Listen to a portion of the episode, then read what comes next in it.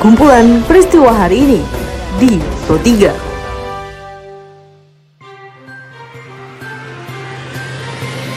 Halo pendengar, saat ini Anda sedang mendengarkan kumpulan peristiwa Pro 3. Pada podcast kali ini saya akan mengulas terkait isu-isu aktual yang saat ini masih hangat atau ramai diperbincangkan di sekitar kita. Tentu saja nanti akan saya hadirkan cuplikan informasi dari reporter kami. Bersama saya Karisma Rizky, inilah kumpulan peristiwa Pro 3 di ruang dengar podcast Anda. Dan pendengar sebelum saya masuk ke dalam beberapa isu aktual yang akan saya hadirkan sesaat lagi, saya akan mengundang Anda untuk mampir ke laman berita kami di rri.co.id. Anda juga bisa memfollow sosial media kami di Instagram, Twitter, Facebook dengan mengetik at RRI Programa 3 di kolom pencarian Anda. Dan inilah kumpulan peristiwa Pro 3. Menteri Koordinator Bidang Pembangunan Manusia dan Kebudayaan, Muhajir Effendi mengatakan, akan ada evaluasi terkait putusan pemerintah dalam menaikkan iuran BPJS Kesehatan. Sebagaimana dalam laporan reporter Nining Hairani, dirinya meminta masyarakat untuk bersabar karena kenaikan iuran BPJS Kesehatan merupakan pilihan yang sulit bagi pemerintah, terlebih saat masa situasi pandemi COVID-19 di Indonesia. Sabar, nanti akan kita evaluasi dulu. Masih ada waktu untuk dilakukan evaluasi. Pilihannya memang sulit ya. Ingat ya BPJS itu dananya dari iuran peserta ya, bukan dari pemerintah. Kalau pemerintah itu mensubsidi, memberi bantuan. Karena itu berasal dari iuran, maka ya ketika iurannya sudah tidak mungkin lagi untuk dijadikan dasar untuk membuat standar pelayanan kesehatan minimum, ya terpaksa disesuaikan. Selain itu pendengar, Yayasan Lembaga Konsumen Indonesia atau YLKI meminta pemerintah untuk menunda kenaikan BPJS hingga akhir tahun dengan asumsi pandemi COVID-19 berakhir dan roda perekonomian kembali berputar. Informasi selanjutnya pendengar, Direktur Mitigasi Bencana BNPB Joni Sumbung sebagaimana reporter Muhammad Isnen Sohanda mengatakan selain mengantisipasi dan memutus mata rantai COVID-19, Badan Nasional Penanggulangan Bencana atau BNPB bekerja sama dengan pemuda Pancamarga dalam mengatasi kesulitan pangan selama masa pandemi COVID-19. Salah satu terobosan ini adalah merupakan terobosan baik dalam kondisi pandemi COVID yaitu ketahanan pangan. Dan saya lihat ketahanan pangan ini bukan saja masalah bagaimana orang itu dia mempunyai daya imun yang kuat, tetapi ini juga mengarah pada bagaimana pemberdayaan masyarakat dari sisi ekonomi. Dan ini penting karena kadang masyarakat sendiri bingung, saya mau ngapain lagi?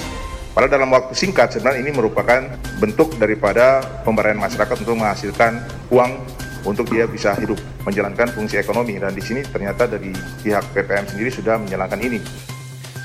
Ekonom Lembaga Kajian Ekonomi atau KOR Indonesia, Peter Abdullah menilai pemerintah sudah cukup cepat dan antisipatif dalam menangani dampak negatif COVID-19, baik dari sisi kesehatan maupun ekonomi. Namun, Peter mengingatkan, potensi krisis ekonomi masih dapat terjadi jika wabah COVID-19 berlangsung lama. Dikutip dari reporter Pro 3 RRI, Magdalena Krisnawati, Peter menyebutkan dunia usaha atau sektor real khawatir mengalami tekanan defisit dan diperkirakan mereka hanya mampu bertahan hingga Juni. Yang perlu ditingkatkan itu adalah sense of crisis kita. Karena apa yang kita hadapi sekarang ini nah, kondisinya jauh lebih kompleks, lebih besar dibandingkan nah, tantangan krisis tahun 98, apalagi kalau kita bandingkan dengan tahun 2008. Kalau kita lihat dari cakupan nah, kebijakan yang sudah dipersiapkan oleh pemerintah dan otoritas di dalam menghadapi krisis ini, saya kira kita bisa berbesar hati, kita bisa lebih optimis. Ini akan sangat ditentukan oleh wabah COVID. Karena ini kebijakan kita ini tentu ada batasnya. Korporasi punya uh, ada daya tahan yang batas daya tahan. Walaupun dibantu seperti apa pun, mereka mempunyai daya daya tahan. Mereka tidak mulai. Ya, ini persis apa yang disampaikan oleh Kadin juga. Mereka menyampaikan mereka hanya kuat hanya sampai Juni. Artinya kalau mereka sampai Juni tidak dilakukan bantuan, tidak mendapatkan bantuan, maka mereka akan sangat sulit untuk keluar dari tekanan uh, defisit cash flow yang mereka hadapi akan merambat ke uh, sektor keuangan. Lebih lanjut, Peter Abdullah mengatakan, upaya pemulihan ekonomi akan sulit terrealisasi jika wabah COVID-19-nya sendiri tidak segera diatasi. Saat ini muncul kekhawatiran wabah COVID-19 akan semakin meluas, seiring dengan kebijakan memberikan kelonggaran PSBB. Jika wabah COVID-19 tidak teratasi sampai semester kedua tahun ini, menurut Peter pemerintah harus melakukan banyak penyesuaian guna menyelamatkan perekonomian nasional. Informasi lainnya pendengar, Menteri Perdagangan Agus Suparmanto memastikan pasokan dan stok gula aman untuk Idul Fitri 1441 Hijriah.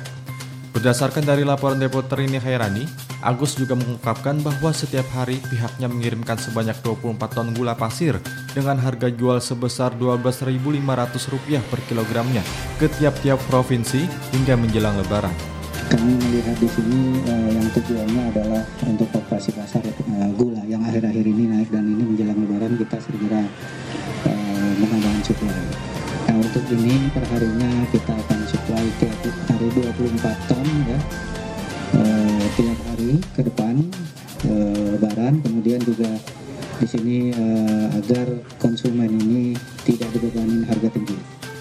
Dan kita menuju ke Sampang Madura pendengar di mana harga bawang merah di pasar tradisional Sampang Madura, Jawa Timur tembus Rp54.000 per kilogramnya. Sebelumnya harganya hanya mencapai Rp43.000 per kilogram.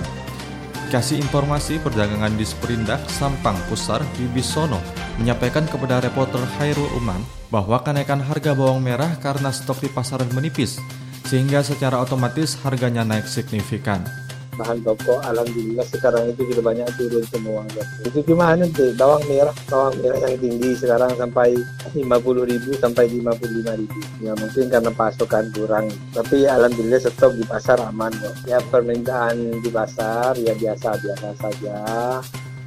Perkumpulan untuk Pemilu dan Demokrasi memandang pelaksanaan pilkada serentak pada Desember 2020 mendatang terlalu beresiko bagi kesehatan jika melihat perkembangan COVID-19 di Indonesia. Dalam peliputan reporter Alfred Stutter, Direktur Eksekutif Ludem, Titi Anggreni mendorong agar KPU selaku penyelenggara bisa berani dan independen dalam mengambil keputusan menunda perhelatan lima tahunan ini hingga pandemi benar-benar berakhir. Bila tak disikapi dengan serius, maka kalau pilkada tetap dipaksakan, bukan tidak mungkin dampaknya juga mempengaruhi e, menurunnya kepercayaan publik pada demokrasi. Nah dengan demikian, apalagi pasca uji publik yang kemarin ya, bahwa uh, Perpu itu kan gini Fadli mengatakan pilkada ditunda karena COVID-19. Itu di pertimbangannya, di menimbangnya. Bahkan di penjelasan juga begitu. Dan hanya bisa ditunda kembali kalau COVID-nya, uh, pandeminya, bencana non-alamnya belum berakhir. Dan kalau saya mendengar dari pakar yang punya otoritas, Menteri Kesehatan, lalu kemudian dari FKM Universitas Indonesia, pakar epidemiologi, ternyata kondisi berakhir itu bukan hanya berakhir di Desember, tetapi juga bagaimana memastikan tidak ada pandemi uh, yang membahayakan di sebagian besar wilayah Indonesia ketika tahapan dimulai.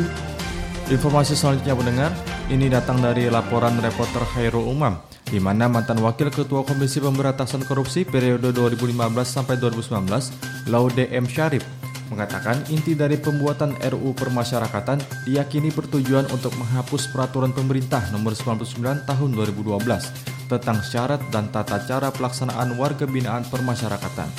Salah satu yang disoroti Laude adalah narapidana korupsi.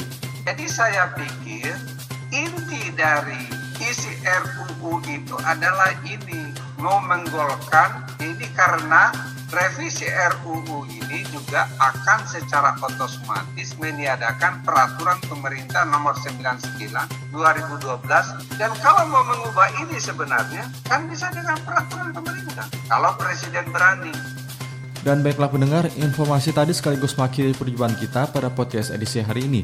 Anda masih bisa mendengarkan podcast edisi hari ini dan hari lainnya di Spotify dengan hanya mengetik Pro 3 RRI di kolom pencarian Anda. Dan pendengar, tetaplah menjaga jarak dan tetaplah berada di rumah. Selamat menunaikan ibadah puasa bagi Anda yang menjalankannya. Saya Karisma Rizky undur diri, sampai jumpa. Sejalanan ibu kota DKI Jakarta Kumpulan peristiwa hari ini di Pro 3.